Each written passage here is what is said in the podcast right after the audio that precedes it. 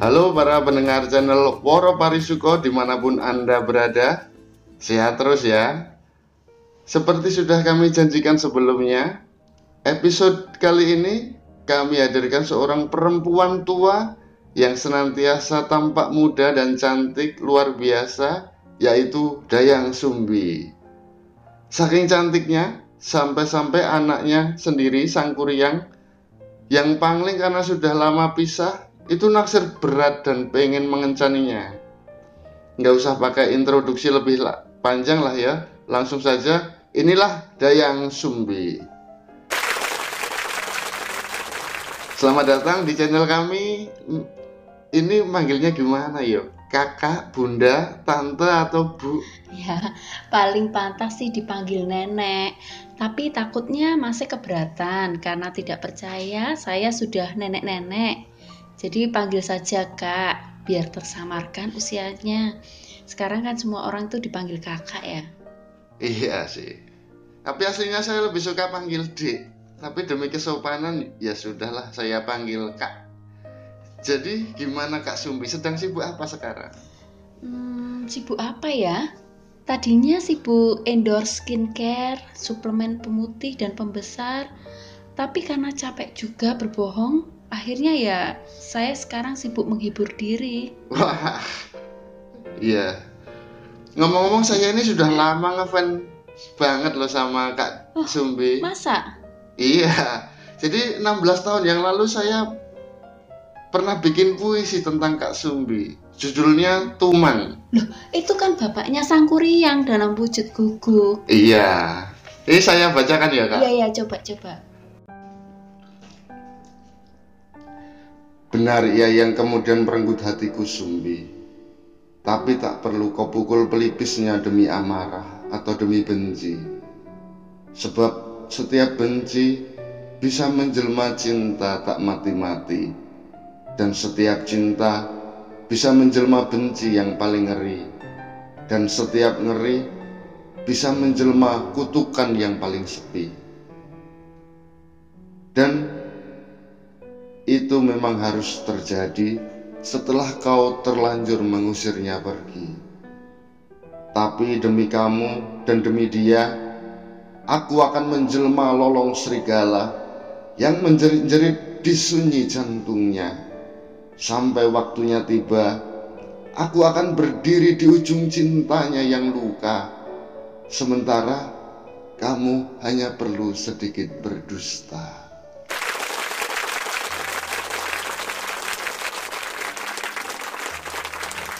Duduh, bagus sekali loh. Masa ini pinter bikin puisi ternyata. Uh, tapi nggak usah jadi penyair lah mas. Mending buka usaha saja. Siap kak. Jadi hari ini kita mau Kak Sumbi berbagi rahasia bagaimana agar tetap tampil cantik dan muda di usia matang. Udah bilang aja tua, nggak apa kok mas, nggak usah diganti matang. saya itu sebenarnya sungkan kalau ditanyai pertanyaan itu. Masalahnya, rahasia kenapa saya tetap cantik dan muda adalah saya tidak tahu. Saya tidak pernah memilih untuk cantik, tidak pula berusaha untuk menjadi cantik. Saya cantik begitu saja.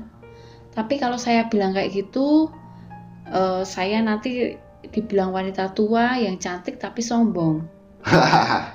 Iya, wah. Jadi ini nggak ada rahasianya, Kak. Ya. Ber berarti acara selesai dong. Ya, ya mestinya memang tidak ada. Tapi mungkin saya ceritakan sepenggal kisah saja ya. Nanti disimpulkan saja sendiri kira-kira apa yang membuat saya tetap kayak gini. Ceritanya ini rentangnya adalah saat saya mengusir sang kuryang waktu masih bocah dan ketemu lagi dengannya waktu sudah menjadi pemuda. Waktu itu saya benar-benar marah hingga memukul keningnya sampai penjut dan mengusirnya pergi.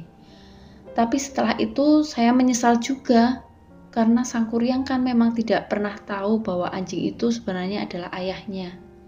Dan dia melakukan itu saking pengennya menuruti keinginan saya makan sambal goreng ati rusa. Seperti biasa, sesal datang terlambat. Sang kuryang terlanjur pergi. Dan karena menyesal tidak bisa disebut pekerjaan, tidak ada yang bisa kerjakan dengan peristiwa itu. Tidak ada tombol andu, jadi peristiwa yang terjadi tetap terjadi. Sepanjang waktu saya berdoa, bahkan sambil berkebun, masak, dan nyapu pekarangan, batin saya terus berdoa, memohon agar suatu hari diberi kesempatan untuk bertemu kembali dengan Sang Kuryang. Semenjak itu pula, saya tahu-tahu sudah jadi vegetarian. Mungkin karena trauma, tiap lihat daging, kesedihan dan perasaan kehilangan itu datang lagi. Padahal kalau datang, kenangan itu susah pergi. Itulah yang terus saya lakukan sampai bertemu kembali dengan Sang Kuryang. Dia naksir saya, dan saya bingung bagaimana menolaknya. Pada akhirnya, kecantikan itu mempertemukan saya, tetapi sekaligus juga memisahkan saya dengan Sang Kuryang. Tapi kalau ditanya rahasianya apa sehingga saya seperti tidak menua, itu terus terang saya tidak tahu jawabannya, Mas. Oh, antara banyak berdoa atau banyak makan sayur atau yang lain, tapi Kak Sumbi tidak yakin ya. Mana yang membuat Kak Sumbi tetap muda dan tetap cantik?